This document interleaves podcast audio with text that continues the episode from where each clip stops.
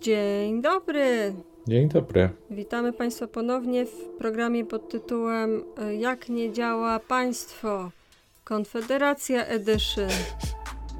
Jej! Jej. Dzisiaj będziemy mówić o rzeczach śmiesznych i mniej śmiesznych. Chcieliśmy zacząć od tego, gdzie trochę poprzednio żeśmy skończyli, bo mówiliśmy o najzabawniejszej części programu Konfederacji, czyli pro programu Zdrowe Życie. Ochrona życia, czyste powietrze i woda, ochrona lasów i zdrowa żywność. I główne clue tego programu to był zakaz importu śmieci do Polski i wspieranie idei sportu amatorskiego.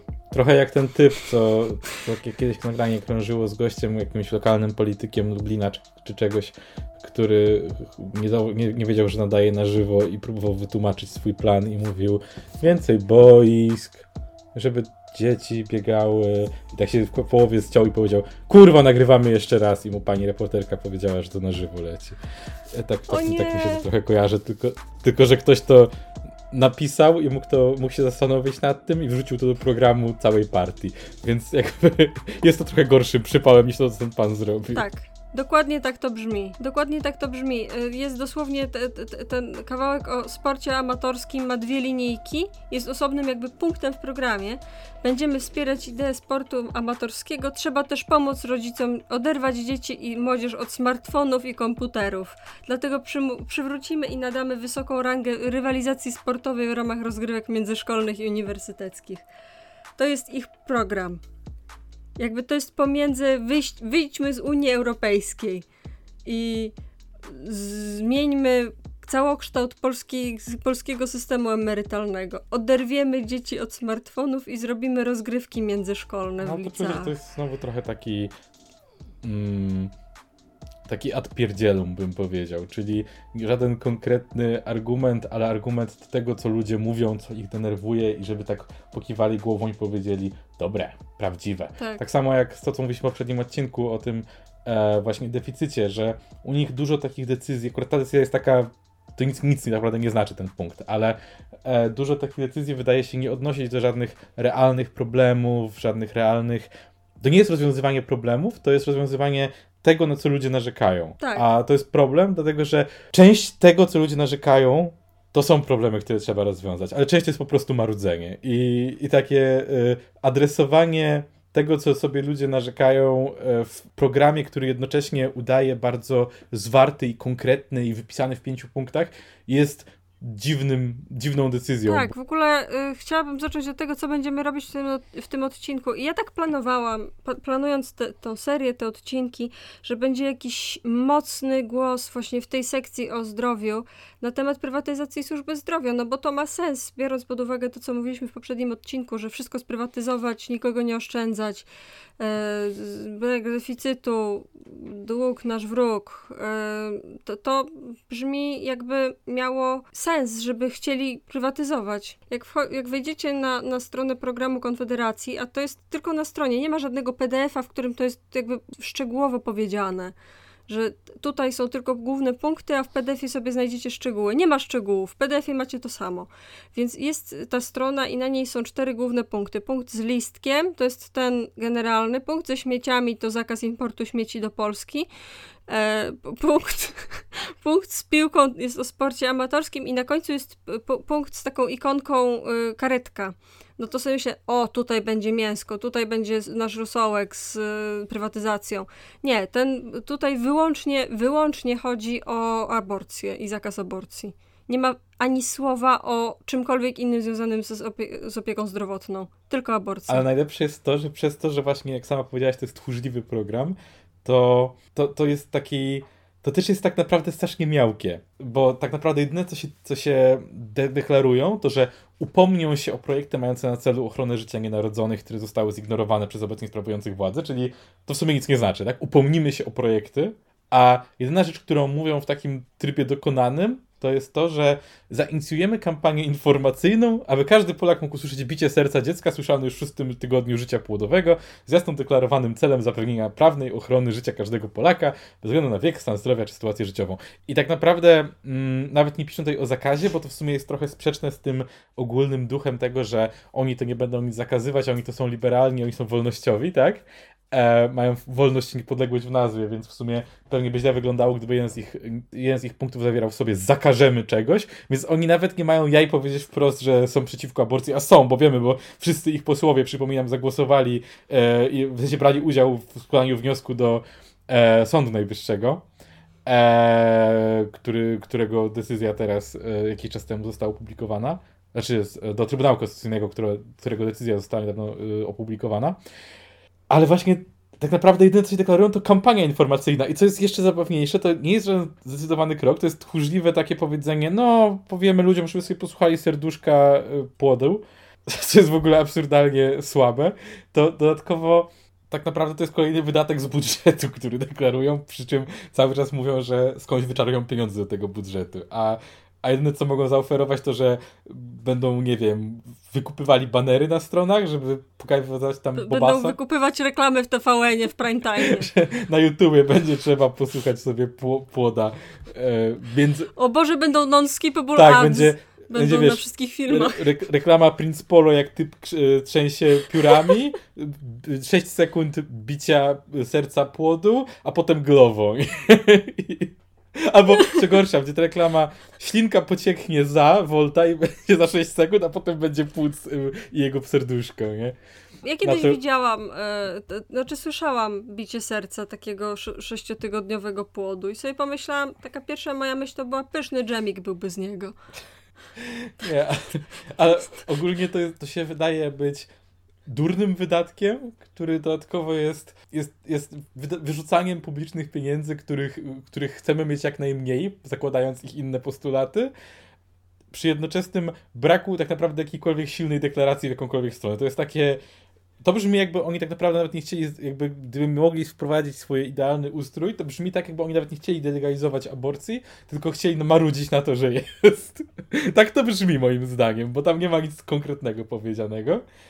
I przy okazji zupełne już czepialstwo z mojej strony, ale czy nie czujesz, że to lekko oszukane, że chcą powiedzieć ci, że mają pięć głównych punktów, ale ich punkty mają jasne cztery podpunkty w sobie na przykład? To, to już nie jest piątka dla Konfederacji, już z tym to jest dziewiątka dla Konfederacji. E, jeszcze chciałabym teraz na chwilę przejść do, e, do tego punktu bezpieczeństwo narodowe, e, bo tam też są cztery podpunkty. Silna polska armia, jak wiadomo, jest to armia po prostu prywatnych ludzi z pistoletami swoimi osobistymi.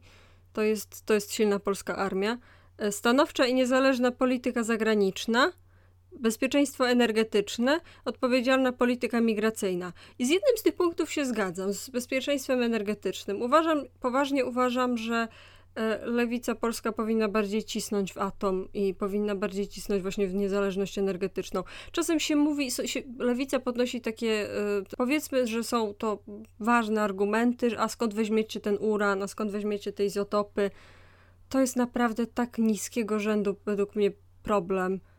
serio, damy radę.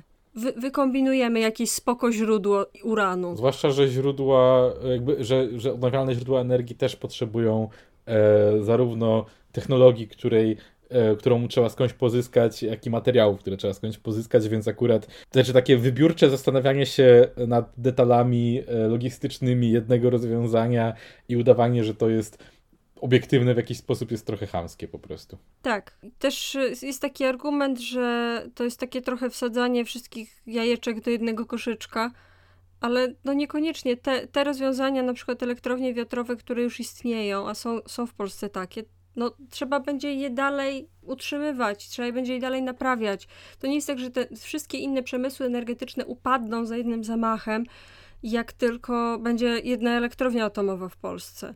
Tak, zwłaszcza, że tak naprawdę mm, jakby nic nie stoi na przeszkodzie, żeby rozwijać ciągle e, energetykę odnawialną. Jakby to jest dla mnie w ogóle też taki trochę strata energii, którą lewica uprawia cały czas w Polsce, czyli jedni y, fani atomu poświęcają mnóstwo czasu na krzyczenie o tym, że energia odnawialna to totalne gówno i w ogóle oni to by woleli żyć w jaskini niż oświetlać sobie chatę energią odnawialną, a, a drudzy y, krzyczą o tym, jak atom zmutuje ci pieska i... Będziesz miał dwa pieski.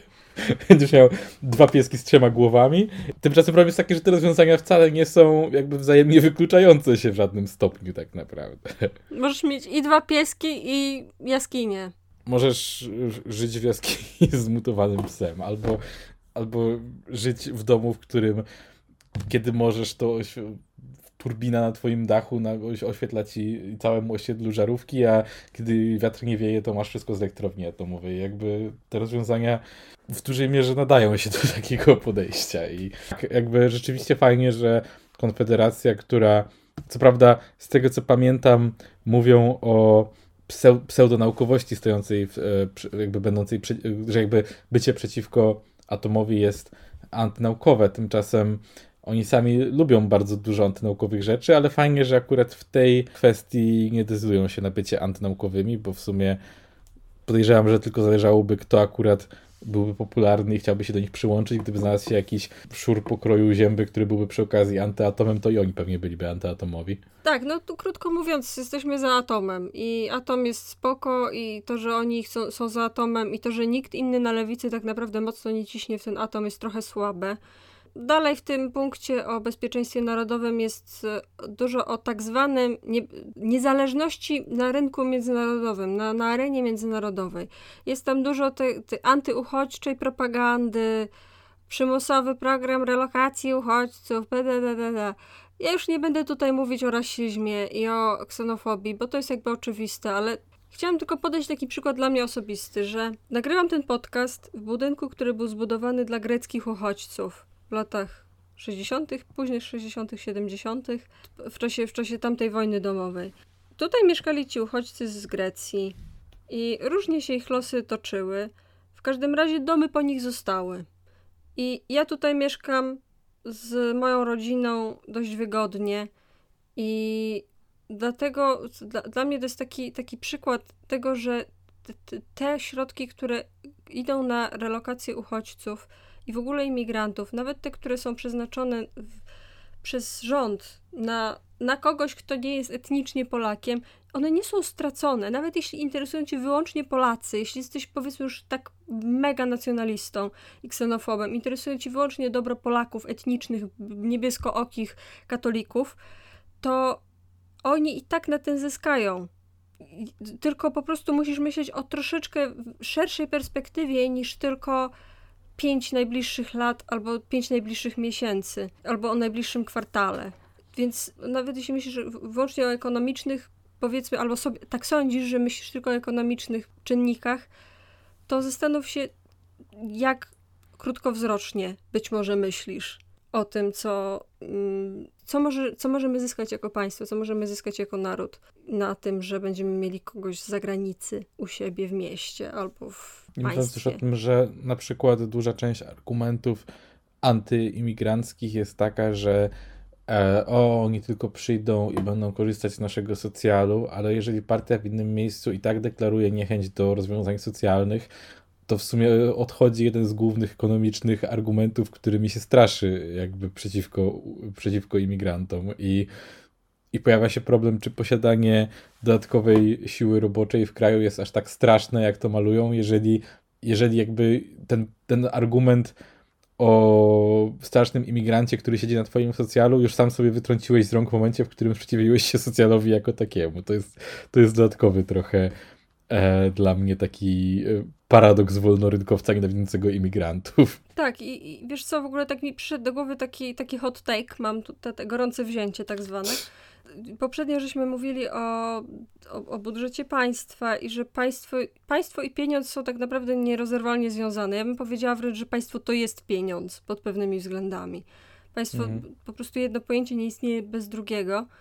Więc okej, okay, jeśli wiemy, że państwo to pieniądz i wiemy, że zły pieniądz wypiera dobry, to złe państwo wypiera dobre. Jeśli państwo, w którym mieszkasz jest złe, pod pewnymi względami dla niektórych ludzi to dla ciebie też będzie w pewnym momencie. Może, w, może dzisiaj nie, ale jutro może się sytuacja zmienić. Może jutro ty będziesz wśród tej grupy ludzi, którzy akurat są właśnie po tej złej stronie państwa. I może to ty będziesz tą osobą, która będzie y, musiała się asymilować do reszty, bo reszta będzie uważała, że jesteś w jakiś sposób obcy. Um, Mówisz oczywiście o białych heteroseksualnych graczach, prawda? Tak, mówię o was. Mówię o tobie. Tak. Gracze powstają. Tak, to po pierwsze. A, a jeszcze y, mówiąc, o, kiedy, jeśli mówimy o takich y, już bardziej ksenofobicznych fragmentach w, ty, w tym programie, to bardzo mnie zainteresowało, że jest takie zdanie a propos tej mm, areny międzynarodowej.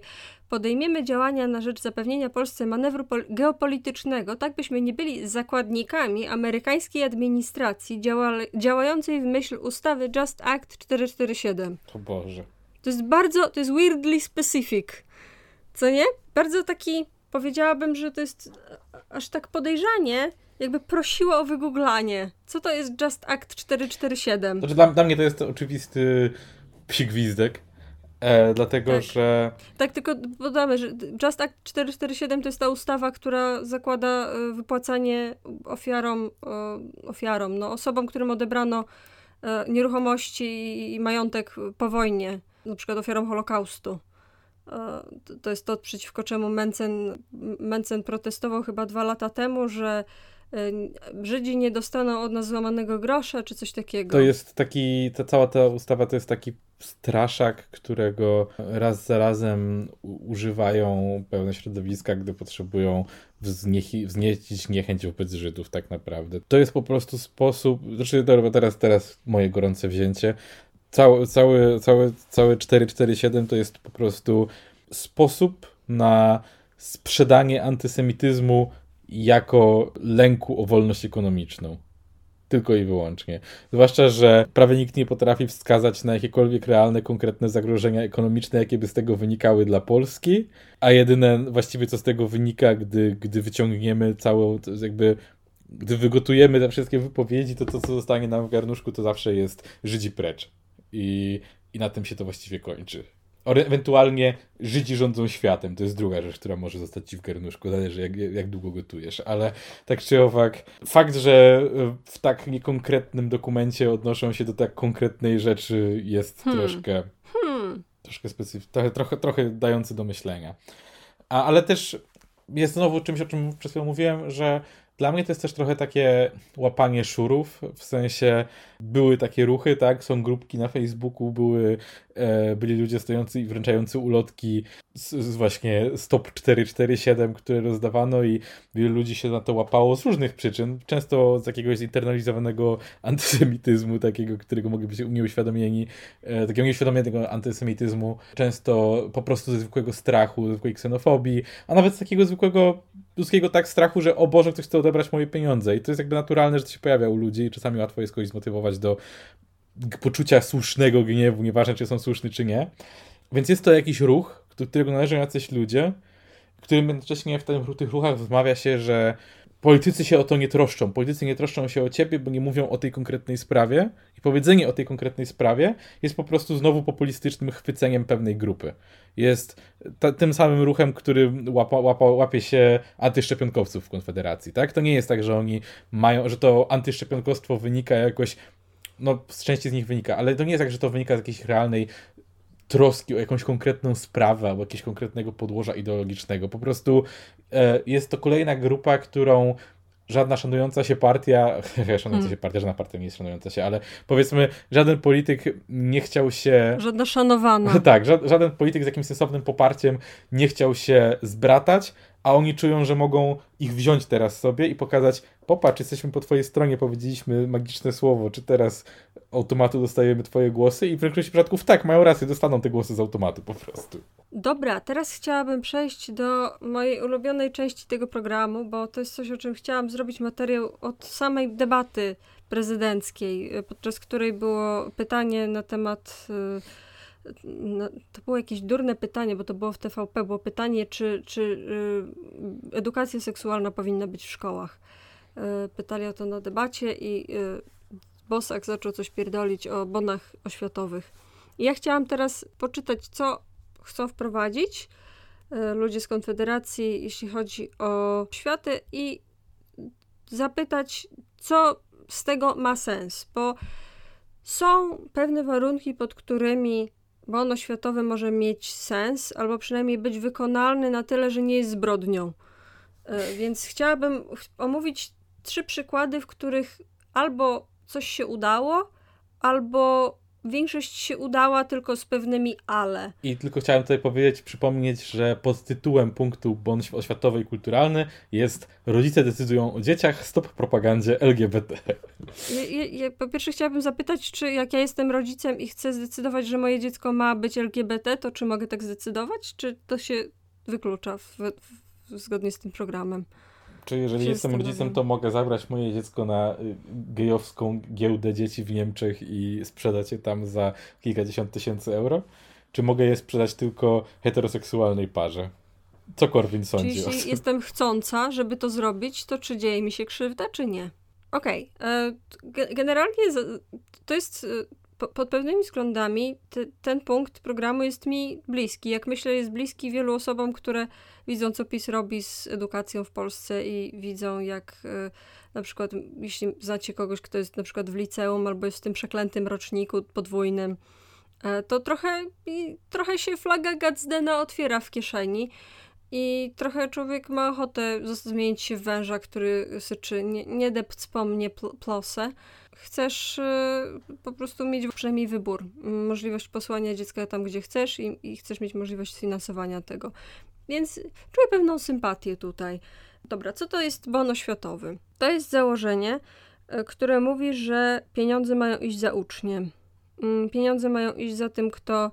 Generalnie ma być tak jak na studiach publicznych w Polsce że tyle, ile jest miejsc, te, te, takie jest finansowanie szkoły i dzięki temu to, to, to, może się dotyczyć e, szkoły publicznej, szkoły prywatnej, co ma dawać rodzicom większy wybór i bardziej wolny wybór szkoły dla swoich dzieci.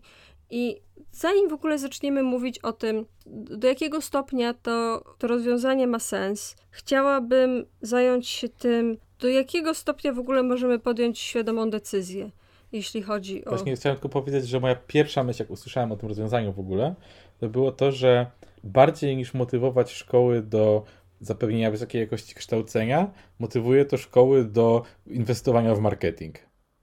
Nie spoiluj. Zaraz do tego, zaraz do tego przejdziemy. I to, to jest ciekawe, bo, bo, dobrze, że to mówisz, bo zaraz jeszcze do tego wrócimy. Z, zwróćcie uwagę, jak wygląda, jak wejdziecie na przykład na fora, które się zajmują porównywaniem szkół, albo strony internetowe, które się zajmują porównywaniem szkół, jak skrajne są opinie. Zazwyczaj, kiedy ktoś pisze, to albo jest to po prostu bot, albo osoba, która pisze fake konta, jak super, jak super, pięć gwiazdek, albo pisze ktoś mega niezadowolony, kto albo odszedł z tej szkoły, albo bardzo chciał odejść z tej szkoły, albo rodzic, który właśnie był bardzo niezadowolony długo z tej szkoły i przekonał się o tym zdecydowanie za późno, albo to dziecko już się przyzwyczaiło do tej szkoły i nie chciał, nie chciał jej go wyciągać, e, albo to dziecko się bało zmienić szkołę. Tak bywa. W każdym razie bardzo ciężko jest zdecydować, czy szkoła faktycznie jest dobra po samych e, materiałach promocyjnych, w stronie internetowej, nawet po opinii innych. Taką pocztą pantoflową trudno się dowiedzieć. No bo, e, okej, okay, już zajmujemy się e, gnębieniem heteroseksualnych gamerów w szkołach, no to powiedz, powiedzmy, że posyłacie dziecko do, szkoły, która się cieszy świetnymi wynikami w szkole, a tu na miejscu się okazuje, że gnębią gamerów i wasz syn jest po prostu bliski z depresji, bo jest gnębiony za to, że gra w gry komputerowe. I skąd masz się tego dowiedzieć z materiałów promocyjnych? To jest problem, który też nie dotyczy wszystkich dzieci, bo nie wszystkie dzieci są gamerami. Przez to nie masz jak się dowiedzieć w ogóle od, od kogokolwiek, bo być może nikt z swoich znajomych nie miał tego problemu nigdy. Nawet nie, nie wpadną na to, żeby ci powiedzieć, że, że może wystąpić taki problem. Dlatego tutaj chciałabym się odwołać też do naszego odcinka o tym, jak nie działa kapitalizm sprzed paru miesięcy, w którym mówiliśmy o tym, dlaczego tak naprawdę nie macie wolnego wyboru w kapitalizmie. Nigdy nie macie wolnego wyboru, bo nigdy nie działacie z pełną wiedzą o tym, jakie macie opcje. Kiedy cegła wam spadnie na głowę, to nie decydujecie świadomie, gdzie was zawiezie karetka do szpitala. Karetka was zawiezie do najbliższego, który was skasuje, jeśli w wolnym rynku skasuje was tyle, ile będzie chciał. I dodatkowo jest powód, dla którego większość takich dóbr, które na przykład można, jakby które się kupuje raz, na przykład e, filmy, na przykład gry komputerowe, na ogół więcej niż na swoją produkcję wydają na marketing. I problem jest taki, że szkoła, jako że zajmuje parę lat i proces zmiany jej jest trudny, na ogół jest trochę podobna do takiego produktu pod tym względem, że uczeń trafia do szkoły i no, dość często jest taka perspektywa, że zmiana jest po prostu bardzo niefajna i nawet jak coś jest nie w porządku, to już się tam zostaje, dlatego że ciężko jest na przykład zmienić coś po trzech latach. To jest taki proces, który jest i tak kiedyś się skończy, więc to nie jest jak subskrypcja, z której można zrezygnować, e, ani to nie jest jakby ciągły zakup codziennego produktu, bo teraz jeżeli, jeżeli ktoś by ci reklamował, że chleb jest najlepszy na świecie, ale byłby lepiony z gówna, no to jakbyś raz go kupił, to byś się przekonał, że byś nie kupował. Ale szkoła działa trochę inaczej, zapis do szkoły działa trochę inaczej. Pod tym względem jest trochę podobny do na przykład pójścia do kina. Nie wyjdziesz w połowie filmów z kina i nie zażądasz zwrotu pieniędzy, więc jeżeli marketing cię przekona, że film jest super, a film jest chujowy, to już zarobili na tobie i właściwie spełnili swój cel. Jeśli chodzi o szkoły, no to tak y, po pierwsze, jeden taki oczywisty problem, o którym mogliście słyszeć, to jest ten problem, który się pojawia w e, Ameryce i w Wielkiej Brytanii, bo, bo taki system bonów oświatowych już wprowadzono w niektórych stanach e, Ameryki i w Wielkiej Brytanii. W Ameryce to się nazywa charter schools, a w Wielkiej Brytanii to się nazywa academies. To są te szkoły, które są e, prowadzone przez tak zwane organizacje non-profit, które później często okazują się być for-profit. Są finansowane właśnie bonami oświatowymi są, są y, finansowane przez y, rząd lokalny najczęściej. Widzimy najczęściej taką sytuację, o której żeśmy mówili w tych odcinkach, że rząd myśli, że jak coś jest zarządzane przez prywatną firmę, to już znaczy, że jest tanie dla y, żon. A często to jest tak, że ta dokładnie ta sama skostniała struktura jest po prostu jeden do jednego powielana w prywatnej organizacji. E, często właśnie w akademii z brytyjskich było dokładnie tyle samo administracji, albo i więcej, bo było więcej Oprócz tego, że normalnie były, ta normalna biurokracja szkolna, to jeszcze była biurokracja, czy nam się opłaca. Tak, ale to jest, to jest chyba ogólnie taka trochę ślepa wiara, która wynika ogólnie z, jakby, która jest wprasowana w założenia kapitalizmu, że jeżeli ktoś ma motywację ekonomiczną, to zawsze na pewno podejmuje najbardziej korzystne decyzje. I żadna korporacja jeszcze nigdy nie zrobiła, nie wiem, stanowiska, które jest bez sensu, albo nie przepłacała za robienie czegoś bezużytecznego, tak. prawda? Jak dobrze wiem. Mhm. Każdy, kto pracował w korporacji, wie, że tam wszystko jest na tip-top i nic się nie marnuje i wcale nie spędza mnóstwa czasu na totalnie bezsensownych zadaniach. Totalnie tak jest. Co, co ty gadasz, chłopie? Więc to po pierwsze. A po drugie, no, jeśli nie, takiemu, takiej prywatyzacji nie towarzyszy bardzo silny aparat kontroli nad tymi e, instytucjami, to dzieje się to, co dzieje się na przykład w niektórych Stanach Zjednoczonych, że te szkoły na przykład są prowadzone kompletnie fikcyjnie, dzieci są zapisywane do tych szkół i się okazuje, że na przykład szkoła nie ma budynku, albo szkoła nie ma kadry żadnej, nie zatrudniono jej po prostu, bo, bo, bo to samo szkołę prowadzi organizacja, która ma tych szkół 200, i ktoś po prostu się nie zajął jeszcze tą jedną szkołą, więc dzieci przychodzą do niczego. E, albo, że nagle się po, przed kolejną lekcją dzieci się dowiadują, że następnej lekcji nie będzie, ponieważ szkoła została zamknięta, ponieważ splajtowała w ciągu tej przerwy obiadowej. Takie rzeczy się dzieją i y, to jest coś, co oczywiście mówimy tutaj o takich skrajnych przypadkach. Ja wiem, że to jest taki trochę ho Ameryka to jest taki trochę hochoł, że jak chcesz powiedzieć, że coś nie działa, podajesz przykład z Ameryki, gdzie to spróbowano zrobić. I, i, już, więc y, od tego chciałabym zacząć, ale chciałabym przejść teraz do, do takiego przykładu, który też miał miejsce w Wielkiej Brytanii, gdzie dzieje się to samo, że często jest tak, że jest, jest owszem taki aparat y, w Wielkiej Brytanii, który kontroluje i który na przykład, kiedy widzi, że szkoła sobie finansowo albo organizacyjnie nie radzi, taka prywatna, to ją przejmuje, przejmuje kontrolę nad nią. Ale ta organizacja jest przeładowana. Y, I na przykład jest teraz 100 szkół, które czekają na to, żeby ktoś je przejął. Nie są operowane już przez tych, tą prywatną firmę, bo już została wywłaszczona, ale jeszcze rząd nie przejął nad nią kontroli i ostatecznie dzieci są trochę w takim limbusie. A swoją drogą, czego potrzebujemy, żeby skutecznie kontrolować państwowo instytucje? Potrzebujemy urzędników państwowych. Hmm. Być Ale... może. Taka zupełnie nowa propozycja, którą wysunęliśmy my, Krzyś i Amelia, w podcaście tak. Lewy Interes po raz pierwszy. Patent oczekuje. Tak. No, więc y, to są takie bardziej skrajne problemy, ale teraz chciałabym się zająć trzema krajami, które wprowadziły bon edukacyjny i miały w tym jakiś sukces przynajmniej.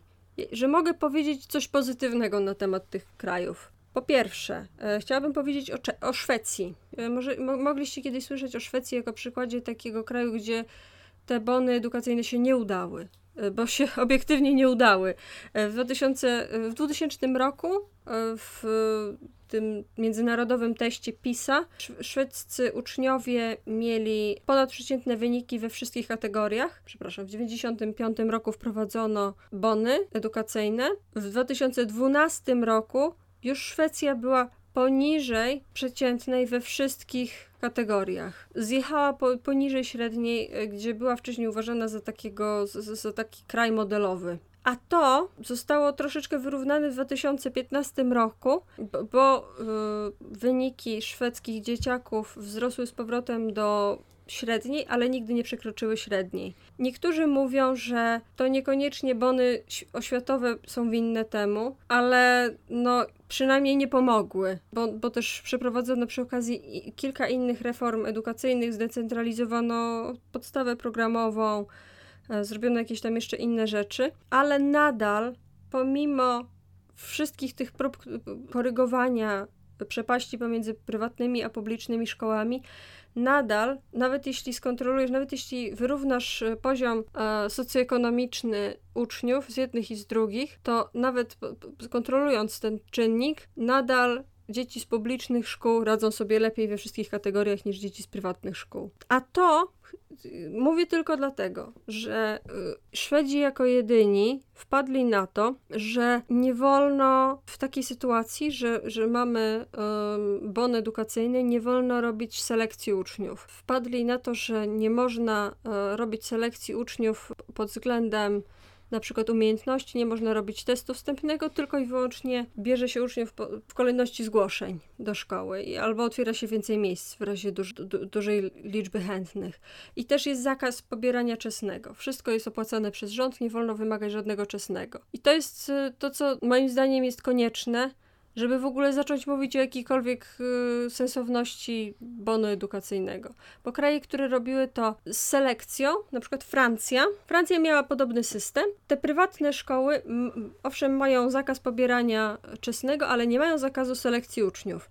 Więc efekt jest taki, że dzieci chodzą, najpierw w podstawówce na najniższych stopniach dzieci chodzą, y, dzieci biedne chodzą razem z bogatymi do jednej szkoły, ale jak tylko jest możliwość selekcji, jak tylko jest możliwość przejścia do jakby rozwarstwienia się, to dzieci, które mają lepsze warunki w domu, mają lepsze wyniki w szkole, idą do prywatnych, bo zdają egzaminy, a reszta idzie do publicznych które są niedofinansowane, bo są niedofinansowane, no bo oczywiście trzeba ciąć koszty. To, to są te dwa kraje, które których cokolwiek dobrze się wydarzyło, że w ogóle, że, że w ogóle wprowadzono brak czesnego, w których w ogóle można mówić o jakiejkolwiek jakby trosce o ucznia. Jest jeszcze trzeci kraj, w którym wprowadzono bony edukacyjne, może niekoniecznie w takim, w takim sensie, w jakim zrobiły to Stany albo, albo Francja, albo Szwecja, bo tu bardziej jest system podobny do naszego.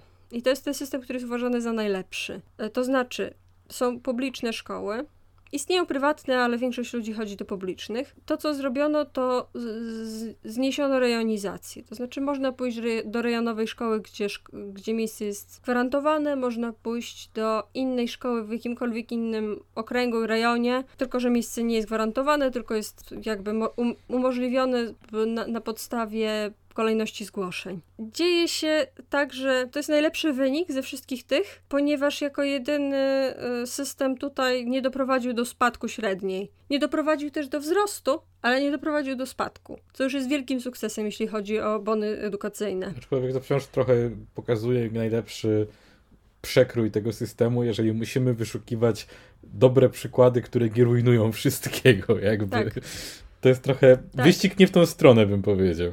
Mhm. Nie, nie ten kierunek. I wydarzyło się dokładnie to, co podejrzewałeś, Krzysiu, bo efekt główny tej y, sytuacji jest taki, że wystąpiła zmiana w PR szkół. Nie wystąpiła żadna zmiana w jakości nauczania, bo też nie tym kierują się po prostu uczniowie i rodzice uczniów. I to, to, to, tutaj trochę wracamy do, do tego, co mówiliśmy na początku, że czym się tak naprawdę ludzie kierują, kiedy podejmują, się, podejmują decyzje te, tego rzędu. Badania w Nowej Zelandii wykazały, że 35% rodziców, tylko 35%, deklarowało, że interesuje ich jakość na przykład egzaminów końcowych, to znaczy poziom, poziom zdawalności egzaminów końcowych.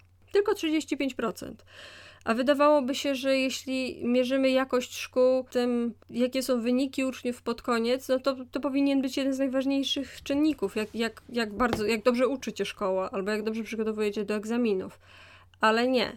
I tyle samo, 35% deklarowało, że dla nich y, ważne jest to, przy, czy dziecko przyjaciela, czy dziecko znajomego chodziło już do tej szkoły. Mhm. To było równie ważne jak wyniki egzaminów. I co ciekawe, to ciekawe, ale też trochę przewidywalne, w Nowej Zelandii na podstawie tego, tej wolności wyboru szkół ma miejsce zaostrzenie segregacji rasowej i klasowej, bo jest mniejszość maoryska, która chodzi teraz tak naprawdę do innych szkół niż większość biała, powiedzmy europejskiego pochodzenia.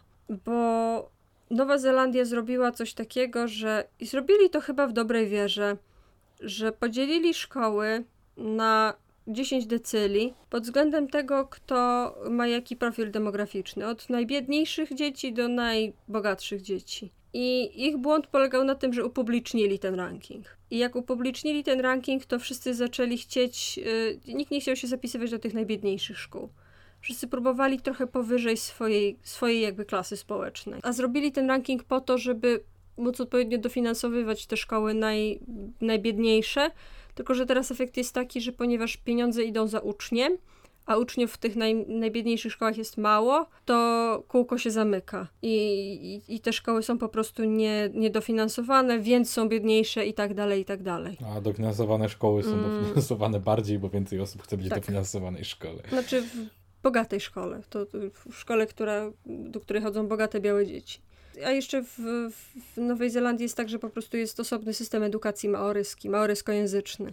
Więc to też jest taka, taki element segregacyjny, który też jest trochę oparty klasowo. Więc y, mamy trzy przykłady i to są trzy przykłady no taki, takiej udanej tak naprawdę. Pod względem y, w Szwecji jest tak, że nadal te, te wyniki są jakoś względnie wysokie i jest ten zakaz pobierania czesnego, zakaz segregacji, który jest spoko. We Francji prywatne szkoły mają wy, wysokie wyniki, jako jedyne we, we wszystkich tych szkołach, a, a w Nowej Zelandii jest faktycznie duży poziom wyboru. Ale tak jak się spodziewałeś, zazwyczaj te szkoły różnią się między sobą wyłącznie PR-em. Różnią się na przykład ładno, poziomem ładności budynków, poziomem y, jakości komunikacji podczas dni otwartych, że kto ci daje ładniejszą bardziej kolorową ulotkę. Tym się różnią te szkoły, a tak naprawdę jakością nauczania się nie różnią, no bo kto, jaki nauczyciel, czy znacie jakiegoś nauczyciela, który jest faktycznie, dla niego się różni, o zapłacą mi tysiąc złotych więcej, to będę uczył jedną trzecią bardziej mocno, albo będę uczył jedną trzecią lepiej. No, no, no nie, nie, nie działa to tak, nie, nie jest to proporcjonalne. E, dlatego. Nauczyciele, którzy naprawdę chcą uczyć dobrze, wypruwają sobie żyły niezależnie od tego, ile im się płaci, a ci, którzy mają wyjebane, mają wyjebane. Tak, także to w temacie bonu e, oświatowego, a jeszcze jest śmieszna rzecz na sam koniec dodam. A, no i jeszcze chcą, Konfederacja chce zlikwidować kartę nauczyciela. Lol. Tylko, że w sumie jeszcze chciałem zwrócić uwagę, że ogólnie jednak mam wrażenie, że pensja nauczyciela może mieć trochę wpływ, powiedzmy, w takim sensie, że więcej ludzi może realnie rozpatrywać zatrudnienie się jako nauczyciel, jeżeli pensja jest lepsza i ogólnie więcej ludzi będzie rozpatrywało zawód nauczyciela. Problem jest taki, że tutaj nie wystarczy w takim razie to, że jedna szkoła będzie płaciła lepiej. Ogólnie pensje nauczycieli musiałyby być lepsze tak naprawdę, bo jeżeli wciąż istnieje mnóstwo szkół, które zatrudnią cię tylko za bardzo słabe pieniądze, to ogólnie koncept bycia nauczycielem nie, nie, nie stanie się dużo bardziej atrakcyjny wtedy, nie? Takie mam wrażenie, że jakby, jeżeli zakładamy, że pensja nauczyciela jest ustawiana na przykład przez państwo, to jeżeli pensja nauczyciela stanie się lepsza, zawód stanie się bardziej pożądany i więcej osób będzie się w stanie zdecydować na ten zawód. To też się łączy z, z, z tą kartą nauczyciela, którą oni chcą, że tak, jeśli będzie konkurencja i jedna szkoła będzie mogła zaoferować lepszą płacę, to od razu będzie więcej, wszyscy będą chcieli być nauczycielami. Nie, wszyscy będą chcieli być Zwłaszcza- nauczycielami w tej szkole, a nie w ogóle zostać Dokładnie. nauczycielami. Zwłaszcza jeżeli, się, jeżeli konkurencja będzie tak naprawdę i tak taka, że jedna szkoła w mieście będzie mogła zagwarantować jakąś dobrą stawkę, a pozostałe będą dalej płacić ci chujowo, no to po prostu to był pójście na studia, bo bądźmy szczerzy, żeby być nauczycielem na ogół trzeba mieć bardzo konkretne studia w tym kierunku. Nawet jeżeli są tylko studia podyplomowe, to i tak poświęcenie roku lub dwóch swojego życia, żeby... Trzeba mieć talent wziąć- i powołanie przede wszystkim, trzeba to lubić. No tak, ale chodzi, że nawet, nawet jeżeli, na przykład załóżmy, że ogólnie chcesz to robić, ale jesteś w innej branży ze względów ekonomicznych. I teraz się dowiadujesz, że jak zostaniesz nauczycielem, to masz minimalne szanse, że zatrudni cię szkoła, która dobrze płaci, to to jest jak wzięcie udziału w loterii, tylko że żeby wziąć w jej udział, musisz jeszcze skończyć dodatkowe studia. Jakby kto się na to zapisze, kto będzie chciał przejść wszystkie wymagania, bo usłyszy, że istnieje mała szansa, że weźmie udział w wolnorynkowej konkurencji. Jakby nie brzmi to super zachęcająco. Tak, no i jeszcze przecież wszystkie te rzeczy, które się dzieją, w, o, o, o których teraz mówiliśmy w związku z właśnie nauczycielami i e, z kartą nauczyciela i z, z tą konkurencją, dzieją się w, na, na rynku uniwersyteckim. Mhm. Jak wiemy wszyscy, każdy po prostu się zabijają o to, żeby być doktorantami, bo super jest być doktorantem i się zarabia dobrze i y, nie ma wcale kolesiostwa, ani y, pracoholizmu, ani y, wyścigu szczurów, jak wiemy. I, I wszystkim dzieje się dobrze i wszyscy się rozwijają optymalnie i są zmotywowani wysokimi pensjami. Tak, tak. No. No, to, także jest super jednym słowem w Polsce i nie trzeba nic zmieniać. Mhm. E, Dobrze, to tutaj zakończymy ten odcinek e, i w następnym odcinku zajmiemy się. Ja trochę planowałam, już tak się trochę przygotowałam, że może będę mówiła o, o prywatyzacji e, służby zdrowia, a potem się okazało, że niestety Konfederacja to e, jebane tchórze i nie chcą nawet przyznać w swoim własnym programie, że są za prywatyzacją, więc kurczę, chyba nie będę mogła o tym mówić, że to jest ich program. Będę musiała powiedzieć, że to jest, to jest program pa- partii to nie jest partii Konfederacja, partii i o tym będzie następny odcinek. O, o tym, jak można w różny sposób prywatyzować służbę zdrowia, znaczy opiekę, system opieki zdrowia, bo tak się nie mówi, nie mówi się już służba zdrowia, tak się mówiło kiedyś. Tak. Tak. Dobrze, to dziękujemy Państwu bardzo. Dziękujemy. E, Chcielibyśmy zareklamować e, naszego Patronite'a, gdzie można nas sponsorować na wolnym rynku idei. Krzysiu, zapodaj nam naszych super towarzyszy. Super towarzysze. Anonim, MF, Łukasz Maciejewski, Mateusz 35, Michał M, Super Kokos, Tomasz Dubiel, kolega Tomka Popa, Jean. I e, dziękujemy Państwu za słuchanko i prosimy o klikanko w przyciski. Dzięki, pa!